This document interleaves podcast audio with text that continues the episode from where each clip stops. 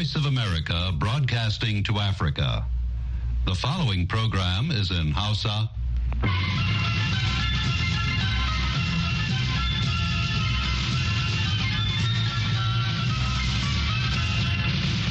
Sashen Hausa na muryar Amurka ke magana daga nan birnin Washington DC.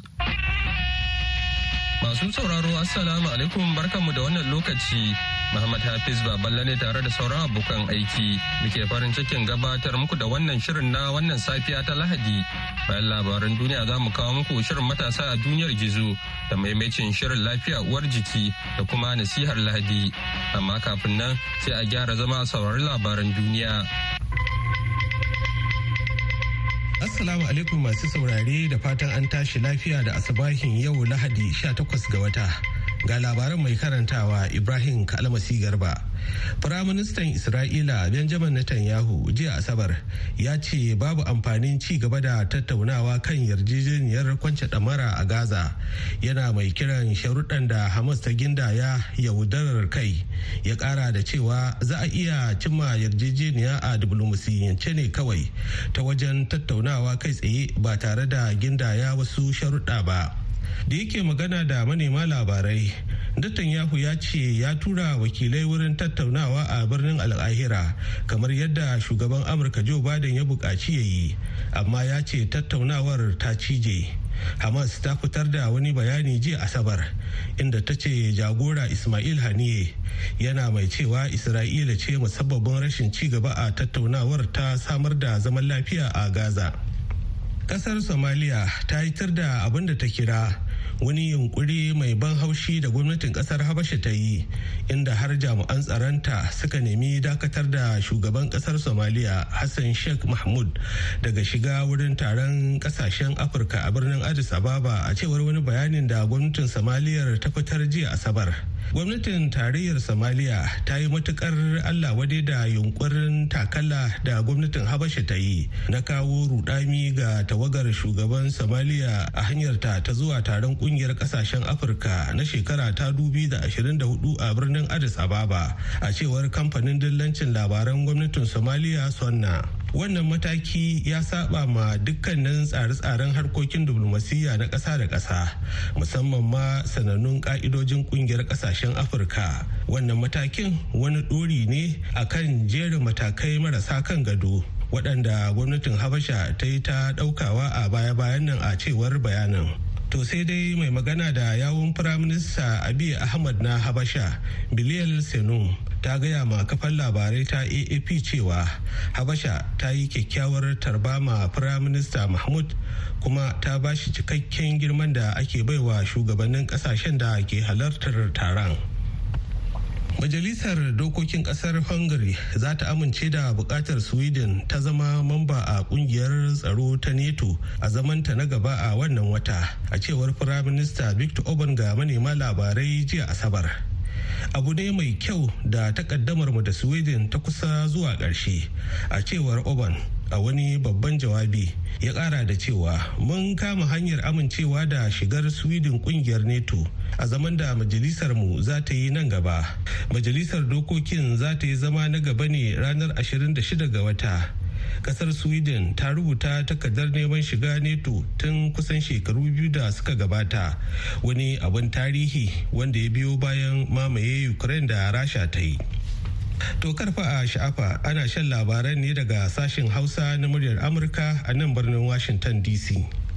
Yayin da 'yan Najeriya ke daɗa kokawa kan matsin rayuwa, hukumomi a yankunan kan iyakokin Najeriya, Nijar da Kamaru sun fara ɗaukar matakai ciki har da neman haɗin kan 'yan kasuwa don ganin hatta 'yan gudun hijira sun samu sa'ida. Daga Maiduguri ga wakilin Ibrahim Ibrahim.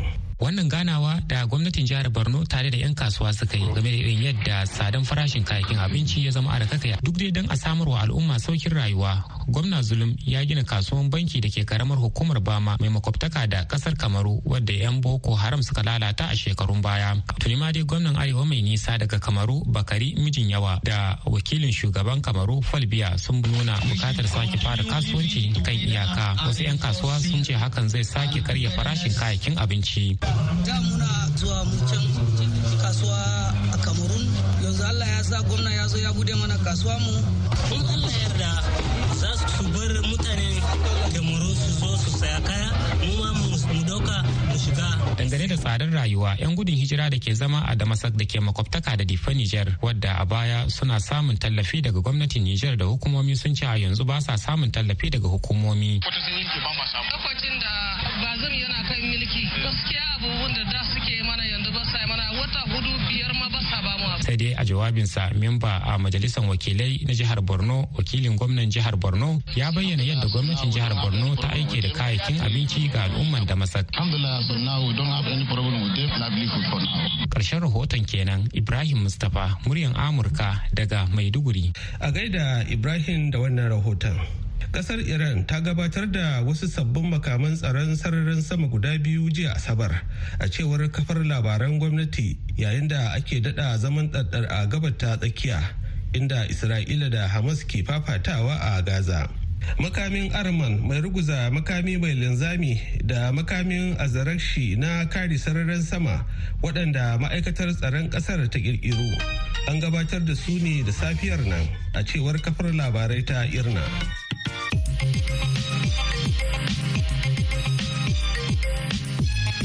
Labaran duniya aka saurara daga nan sashen Hausa na murya Amurka a birnin Washington DC.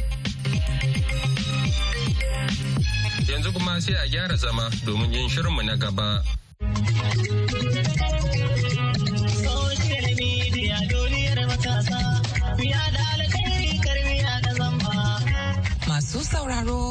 Assalamu alaikum. Sannun mu da arzikin sake kasancewa cikin wani sabon shirin matasa a duniyar gizo. Tun da ke taɓo duk batutuwa da suka shafi mu'amalar matasa da kafofin na yanar gizo. Sunana Halima Abdulra'uf jagorar shirin.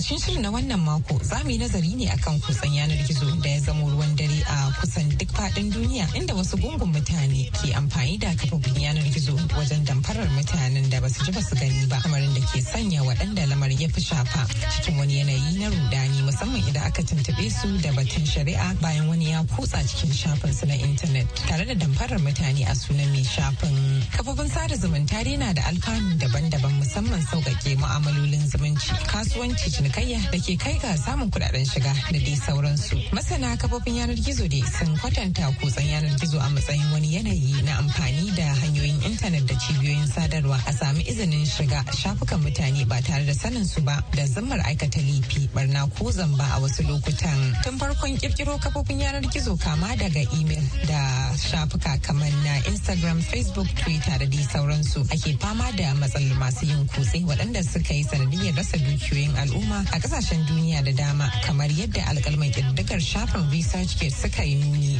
fara ji daga bakin wacce aka yi wa kutse a shafin ta na email. Sunana dr hawa mustapha babura. An taɓa yi mun kutse amma ni a email email dina aka shiga aka sace. Kawai na ankara na gaba na samun email. To dama na taɓa riƙe wasu ɗalibai a america daga ƙasashe daban-daban. Inda na fara sani sai wata ɗaliba da ta zauna a gidana ta shekara a matsayin exchange student a germany. Sai ta kira ni tana ta ce da ni ga kuɗin ga kuɗin kakata ta tara mun nemi dubu hamsin mun rasa. Amma yanzu ga 50,000 dollars kakata ta ba mu daga saving ɗinta. Ina za mu aika miki? Na ce na shiga uku. Calm down. Ban tambaye ku 50,000 ba. Ta ce kin aiko email kika ce mu aika 50,000 muna ta neman ki mun rasa. Kuma email ɗin ta ce za a kuma aiko email da instructions. Wai kin makale a wata ƙasa can daban kuma ana neman kuɗi dole sannan ki fito. Na ce musu nono gani a gida a nan a kansas city. Ban makale a ko ina ba. Abin ya bani mamaki sai can na afkara sai na ga duk sun ɗauki email ɗin mutane hadda na 'yan gwamnati da nake aiki da professionals da 'yan uwa abokan arziki. Gaba ɗaya sun aika musu wai na makale a wani guri eh, wai ina neman kuɗi a fito da ni. Amma wannan email ɗin har yau ban same ta ba. Kuma ina son email ɗin nan don sunan garinmu ne babura. Amma alhamdulillah ba wanda ya aika musu ko komai. Masu kutsen ba su bar kafofin sada zumunta a baya ba wajen aikata barnar su kuma za mu ji daga wasu ma'abota dandalin Facebook akan abin da ya faru da su.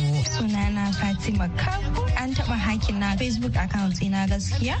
Matakan da na ɗauka na samo shi shine ba wai ni ba ne aka haɗa ni da wani wanda shi aikinsa kenan yana retrieving na account idan aka yi hakin su aka haɗa ni da shi lokacin aka biya kuɗi sai ya mayar min da account ina gaskiya. Ni kuma na kin gane ba wai kutse aka min a account ina na social media ba kawai dai hotuna na aka ɗauka aka riƙa amfani da shi a wani account. Abin su dai na cryptos ɗin nan so za su ce wai mutum wai zai ba da kuɗi after like hours ko a day or two za a yi multiplying kuɗin shi a bashi. So wallahi kawai dukkan latest hotuna na raka ɗauka yana sa aka maka suna wai hajiya Aisha Musa and they blocked me from the account a Facebook. So ba na gani. So mutane suka riƙa screenshot suna aiko min suna cewa gashi kuma ana amfani da hotuna na. So at the end of the day I used another Facebook account na wata nest ina ne contacting the person behind wannan account din cewa abin yake transaction din suke. I was like trying to get something da zan iya kama su da shi. So na ta jan su dai haka na nuna cewa ni ma I'm interested in the business. A the end har dai muka kai stage din aka bani account number da zan zai in depositin kuɗi. So I used the account number ne reporting everything to the EFCC so EFCC were able to trace the account din. Wata yarinya ce a wani state so suka gani. So shi the person behind wannan account din ashe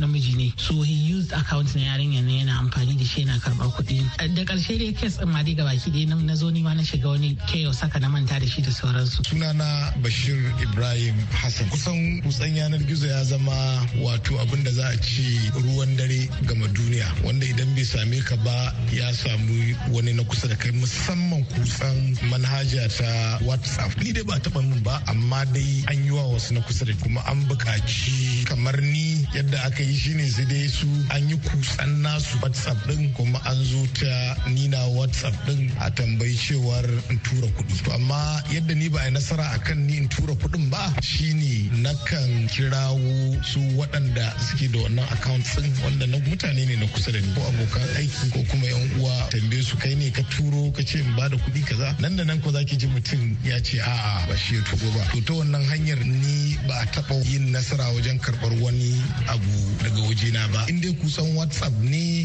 in dai an tambaye ka kuɗi in ka ga wani suspicious wani abu da baka tabbatar da shi ba babban abu da zaka yi shine ka tuntuɓi mutumin ta waya. In ma baka same shi baka tuntuɓi wani wanda ya san shi na kusa da shi wanda zai iya hankar da shi nan da nan abin da yake faruwa. Sai kuma ɓangaren instagram. Sunana abdulsalam s ramadan an fi sani na da hausa kai a social media. Ni ma na taba samun wannan matsalar na kutse a instagram. Lokacin gaskiya ba ta da tsaro sosai. So an yi kutsen wanda suka yi kutsen sun yi amfani da shi kusan suna ta tura messages da kuma dora wasu hotuna na wannan kasuwanci ta online ka sa kuɗi bayan awanni ka samu linkin kuɗin ka so waɗanda suke dama aka ce guda sarkin gurin kuɗayi akan mutu wanda suke da kuɗin irin wayannan kuɗaɗen sai suka yi ta tura kuɗaɗe suna tamanin ni ne. Wanda kuma suke da lambobi na sai suna tura message ta whatsapp sai in gaya musu cewa ba ni wani an yi hakin din account na don ni account na lokacin kwata-kwata bana dora hotuna bidiyo zalla nake dora kuma bidiyon sai wanda ni na kirkira ba wanda na ɗauko daga wasu wurare ba sake sawa. So in dai mutum ya ga bidiyo wanda ba ni ne na yi creating bidiyon ba na sa to lallai akwai matsala wannan handle din. To mutane dai wanda suka sa kuɗi suka sa kuɗi. Musamman akwai mutane uku wanda na san su sun sa kudade da yawa. Ɗaya ma ta sa kusan dubu dari bakwai da wani abu ya lashe. Akwai ɗaya ta sa dubu dari uku da wani abu. Akwai wata jama ta sa kusan dubu dari biyu da wani abu. Duka dai aka ci wannan kuɗaɗen banda yan kanana kanana kanana wanda sai da muka dawo da shi muka gano ya damfar mutane sama da dari da wani abu ta turu handle dina. So a ƙarshe dai mun ta tracking din abin taimakon wasu da kuma wasu jami'ai dai na tsaro da muka yi reporting har aka ci nasara muka kama shi. Wani ne dan lagos ne ma ya hakin din abin amma mun ci nasara an kama shi kuma mun hada shi da efcc ma har an kai shi kotu. Waɗanda aka iya biya aka biya su sannan shi kuma aka tura shi gidan yari na shekara ɗaya da rabi. So wannan shine da sannan kafin account din ya dawo gaskiya ya ɗauki lokaci dan sai da kusan wata shida wurin wata na bakwai so ɗaya daga cikin yan uwa wanda ake tare da su ya zo yake cewa yana aiki da kamfanin mita haka so shine da ya taimaka aka dawo da accounting sannan kuma aka tracing abubuwan da ya faru ta accounting a baban masu kungiyoyi ma bari mu ji nasu bahasin kutsen da aka yi musu. An taɓa mana kutse a ƙungiyar mu ta Arewa Women in Diaspora. Mun kafa ƙungiya na 'yan Arewa da suke mazauna ƙasar waje. Muna ta abin alheri muna haɗa kuɗi mu taimaki arewacin Najeriya inda ake da buƙata marayu waye-waye. Ranar nan kawai sai aka zo aka ce aka aiko wata 'yan ƙungiyar wadda take admin wani abu gashi-gashi ta je dai ta danna. Kawai kan ta farga duk an kwashe sunayen mu gaba ɗaya a grup din ana ta aikowa cewa wai ta makale a aika kuɗi gashi gashi. A taƙaice dai suka tarwatsa mana grup har yanzu ba mu recoverin ba. Ko da dai mun buɗe wani grup din amma har yanzu ba mu samu namban mu ta farko. Ba kazalika za mu saurari shawarwari daga bakin wanda ya taba fuskantar kutse a shafin instagram don ya zamo darasi ga sauran mutane. To shawarwari kuma na gama gari wanda kowa na iya bayarwa musamman mu waɗanda abin ya shafa shine ya kamata in so samu ne musamman content creators ya kamata a samu wayar da kake amfani da shi na social media ya zama na daban wanda kana amfani da email din wanda ba wanda ya san wannan email din da phone number. Ita kanta wayan kwata-kwata baka amfani da shi wajen kiran waya ko kuma musa saƙon messages ko whatsapp ko wasu abubuwa na mutane sai dai kawai social media ne kake amfani da shi kana handling nashi a wannan wayan ita kadai wayar da kake amfani da shi na kira da amsa saƙonni ya zama na ita ma ta daban ce ita kuma ba ta attach to wani abu naka wadda za a iya maka kutse. So haka zai dan rage ko da za a ce an yi kutsen ne to ba za a yi maka kutsen na gaba ɗaya ba. Sai kuma mutane su kiyaye gaskiya sosai wurin an turo musu da saƙonni ba ko da sako ne za a turo maka a ce ka danna link ka amshi saƙon da aka tura maka ba. Musamman waɗanda suke amfani da mutane da yawa da suke tura musu saƙonni ko kuma a cikin wani group ko duk bidiyon da ka gani ko audio ko an turo sako ka ce za ka buɗe wannan gaskiya dole ne abu a kiyaye sosai. To masu sauraro gaba ɗaya kuma a nan muka kawo ƙarshen shirin na wannan lokaci. Yanzu a madadin ma'aikata da mahukuntan murya Amurka ni Halima Abdurrauf ke mana fatan alkhairi. Mu kasance cikin koshin lafiya. Bi salam. Madalla. Yanzu kuma sai maimacin shirin lafiya uwar jiki da Hawa Umar za ta gabatar. Jama'a masu sauraron mu barkanku da warhaka, barkanku da sake kasancewa tare da mu a cikin wani sabon shirin lafiya uwar jiki tare da ni Hauwa Umar. Shirin lafiya uwar jiki na wannan mako zai ci gaba da yin bayani ne akan ciwon basir ko kuma file a turanci.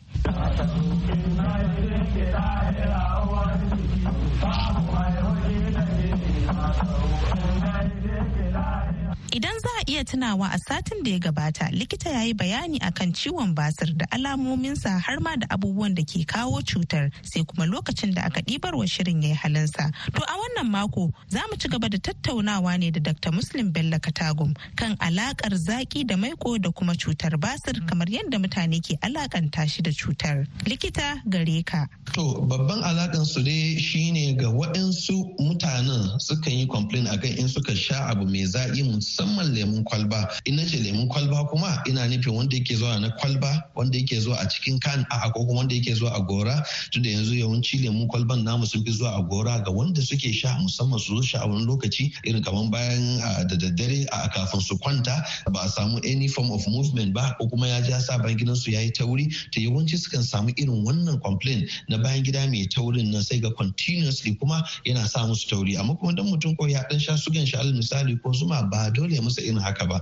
To wa'annan su chemicals ne. Wato chemicals shine wannan sinadarai da ya kasance ba natural ba. To sai ya kasance mutum ka zo kana kwankwada kai kuma a naka kana jin daɗi. Bayan za a faɗa sunayen kamfanonin amma a sani cewa duka lemun kwalba dai ga mutum zai zauna ya kwankwada in dai ba wanda aka hada ba ne a gida irin al misali ayaba. A zo a ce an samu mangoro ne a zo a ce an samu irin shi lemu na bawo a zo a ce an murza shi ko kuma a zo a ce an yi mixing din shi ya zo ya ba da wani sinadari ko kankana a zo a yi mixing din shi so duk wa'ansu wanda ba irin wannan ba za su iya jawa irin wannan constipation din wato bayan gida mai tauri. Yayin da suka jawo bayan gida mai tauri kuma sai mu dawo bayanin da ne a baya wanda zai iya sa a samu wannan matsala na wato ainihin basir. An batun mai koshi kuma gaskiya har yanzu ne ban ga wani standard binciken da ya nuna cewa eh dan akwai maiko yana sa wannan bayan gidan ya zo ya kasance ya tauri ba ko kuma ya zo ya jawo basir. Amma sai dai ilimi yana da faɗi amma dai bisa ga karatun da na yi da binciken da na yi ban taɓa jin inda aka ce maiko yana da alaka da wannan matsala na basir ba sai daga wanda yake da shi akwai wanda hala yake damun shi in ya ci amma ba wai dan yana sawa ba.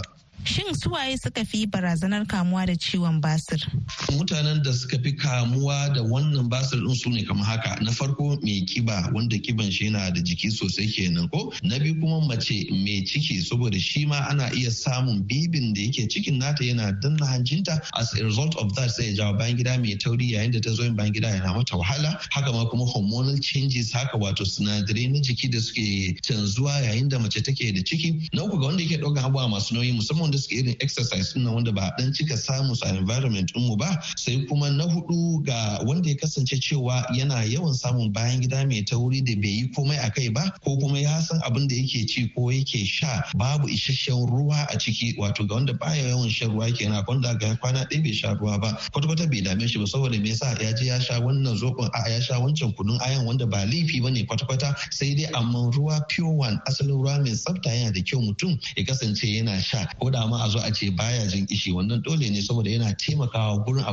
preventing wannan. Sai na gaba kuma ga wanda suke da chronic cough wato wanda suka daɗe suna tari kenan. Tari tari saboda yana jawa intra abdominal pressure. So anything duk wani abin da zai iya jawa intra abdominal pressure to shi ma zai iya jawa wannan problem din na hemorrhoid ɗin nan. To likita shin cutar basir na ɗaya daga cikin cututtukan da ake iya gado? Bisa ga binciken da na yi dai da karatun da na yi ban taba jin an ce ana gadon basir ba. Saboda kamar yadda na faɗa duk wani abin da zai kasance cewa ya jawo prejo a cikin dubura wanda zai sa wa'innan jijiyoyin da suke kawowa jini sun kumbura to abu ne wanda zai iya jawo basir so kun kenan ko da mutum ya kasance cewa yana da family history wato ko iyaye mace ko namiji suna da shi in dai zai kasance ko za ta kasance sun yi preventing ko avoiding wannan prejo din tare da bayan gida mai tauri yawan zama a shadda saboda mutum bai samu ya bayan gida ba ko kuma cin wani abu ko kuma rashin shan isasshen ruwa to duk inda mutum zai iya preventing ko ya guje wannan abubuwan ko da ma kasance in gidansu kaf ga baki ɗaya suna da basir to shi ba dole ya kasance ya yi ba. To shin ma menene ya kamata mai fama da ciwon basir ya kauracewa? Babban abin da ya kamata mai ciwon basir ya kauracewa shine bayan gida mai tauri saboda already yana da wannan matsalar ciwon basir din sai kuma zuwa malamin gargajiya dan ya kasance cewa zai bincike ka ko kuma ya baka ko kuma ya baki magani yayin da kai haka to asalin asalin babban kuskure kenan. Saboda kamar yadda na faɗa a baya ba dole kasance basir din ba ne amma a zo a ce ma an tabbatar miki ko an tabbatar maka da basir me yasa kake tunanin cewa ba za ka koma asibitin da aka tabbatar maka kana da basir din ko kuma ka je ma babban asibitin da ya fi shi don neman lafiya ba sai ka gangara gurin malamin gargajiya ya baka wa'insu jikon da ba ka ba dalilin da ba zai taɓa kawowa cin nasara a wa'innan magungunan ba. Saboda me yasa wa'innan wato ainihin hemorrhoid ɗin nan suna nan birjik suna nan ire-ire. Kamar yadda muka faɗa muna da internal muna da external. Wanda zaka je ka same shi na gargajiya ko kuma likitocin da ba su kwarance ba wanda ba a cika samun su ba ko kuma wanda suke irin su kansu suna da likitoci wanda ba likitoci ba ne ba abun mamaki ba ne ba dole sun tabbatar da wannan ilimin ba. Wani ya zo maka da thrombus alal misali hemorrhoid sai ka zo ka ce masa kaza yake da shi ko kuma ka ba da maganin da ba shi ba ne to sisa yana da kyau in kana da shi in kina da shi babu kokonto abin da mutum ya fi kamata ya sa himma a kai ya je gurin kwararren likita wanda zai bincika wanda zai duba wanda kuma zai ba da maganin da ya fi cancanta. Na biyu kuma shine duk cin wani abu da zai kasance cewa ya jawo bayan gida mai tauri. Sai kuma na ukun shi shine mutum ya kasance yana yawan cin ko shan ko yin abin da ya san cewa zai sa bayan gida ya zo masa da sauƙi ba kuma ina nufin ya zo masa da gudawa ba. Dan shi ma gudawa in ya kasance ya daɗe mutum yana yi mace ne ko namiji to shi ma zai iya causing ko kuma ya jawo irin wannan matsala na shi wannan hemorrhoid amma bai cika faruwa ba kamar yadda in bayan gida fi yin tauri ko yawan zama a shadda ko kuma ya kasance mutum yana zama a shadda. Gashi ba bayan gida mai tauri ba ne amma yanayin zama a shadda ne ba daidai ba. Don yawanci mutane suna da shadda akan tabbas mai kyau amma kuma irin zaman da suke masa shine zaman cikin mota. Alal misali mutum ya zauna ko kuma zaman cikin keke na pep wanda kuma bincike ya nuna inda hali yana da kyau ka dan daga kafanka a ce akwai dan wani ƙaramin tebul da za a zo a sa ko box wanda za ka daura a kai. Wannan daurawa kan da za ka yi yana taimakawa gurin relaxing wa'insu daga cikin muscles din da yake cikin duburan mutum sai kasance bayan gida ya zo mai sauƙi amma rashin ɗagawan yana ɗan sawa su dame to sai sa ga mutum gashi bayan gida a cikin shi bayan gidan baya da tauri amma irin zaman da ya yi akan wannan toilet din shine yake hana fitan wannan bayan gidan. To wannan ko sai ga mutum ya zo yana ta straining wato wani nishi da na faɗa ɗin nan wanda zai zo ya hana fitan bayan gidan ko kuma bayan gidan ya fita amma da kyar ko kuma wani ma ba zai fita duka ba sai mutum ya zo ya ce yana da bayan gida mai tauri. A'a ba bayan gida mai tauri ba ne matsalan ka ko kuma matsalan ki but rather zama akan shaddan shine babban matsalan da yake iya jawowa wannan matsala na hemorrhoid masu sauraron mu kada ku sha'afa shirin lafiya uwar jiki ne ke zuwa muku daga nan sashen Hausa na muryar Amurka kuma duka-duka abin da za mu iya ɗauka kenan a cikin shirin a madadin dukkan abokan aiki da suka taimaka domin ganin shirin ya zo muku sai kuma likitan da muka kasance tare da shi a cikin shirin wato Dr. Muslim Bello Katagum ni Hauwa Umar da na shirya na gabatar nake muku fatan mu huta lafiya. Madalla yanzu kuma sai nasihar Lahadi.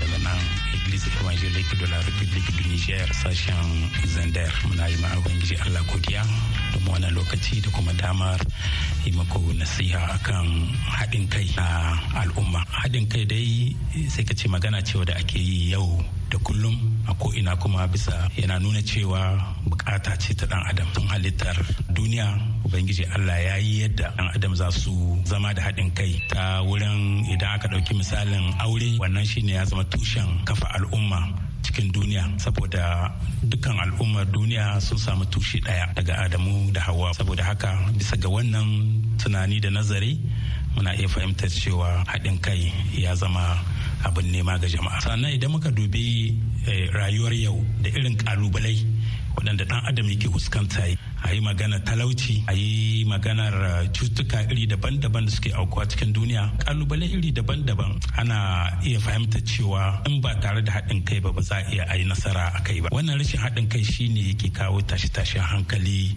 a wurare daban-daban da muke shi. Alhali kuwa ubangiji allah ya nuhi mutum da ya yi zaman salama. Saboda idan aka dubi yanayin iyali kowa yana da nasa iyali. Kowa yana da nasa aiki. Duk da ubangiji allah ya halicce mu ta tushe ɗaya ya kafa iyaka ga kowane mutum. Mutum yana da iyalin shi shine yake mulkin iyalin shi ba makwabcin shi ba. Idan aiki ke gare ka kuma kai ne ke gudanar da aikin ka ba wani yake maka shi ba. Amma duk da haka ana buƙatar makwabcin ka domin aikin ka ya ci gaba kana buƙatar makwabcin ka ya kama maka. Wannan duka alamu ne da suke nuna cewa akwai buƙatar haɗin kai. Kasashe da dama suke yin gungu-gungu suke haɗa kansu domin su kalubalanci waɗansu matsaloli waɗanda suka shahe su. Ko ya shahi tattalin arzikin ƙasa ko ya shahi ci gaban jama'a. Waɗannan al'ummai sun gani ya kamata su haɗa kansu. Da wuri ɗaya su yi nazari a mutum biyu sun yi mutum ɗaya. Nazarin mutum biyu ya na mutum ɗaya. Saboda abin da wani bai hango ba wani yana iya hango shi har ya sa su haɗa kai su yi wani abu wanda zai sa ci gaba yadda ɗan adam ya hito daga tushe ɗaya kamar yadda Allah ya halicce shi. Hakanan kuma yake buƙatar 'yan adam ɗin nan da ya halitta su yi zaman jiyayya cikin zamantakewar su yi zaman lafiya. Saboda haka Allah kullum yake kira mu da cewa mu nemi zaman lafiya tare da kowa. Kuma zaman lafiya ba cewa ba sai wanda ke ƙaunar ka amma har ma wanda baya ƙaunar ka kana neman hanyoyin da za ka yi taɗi da shi domin ku zauna lafiya.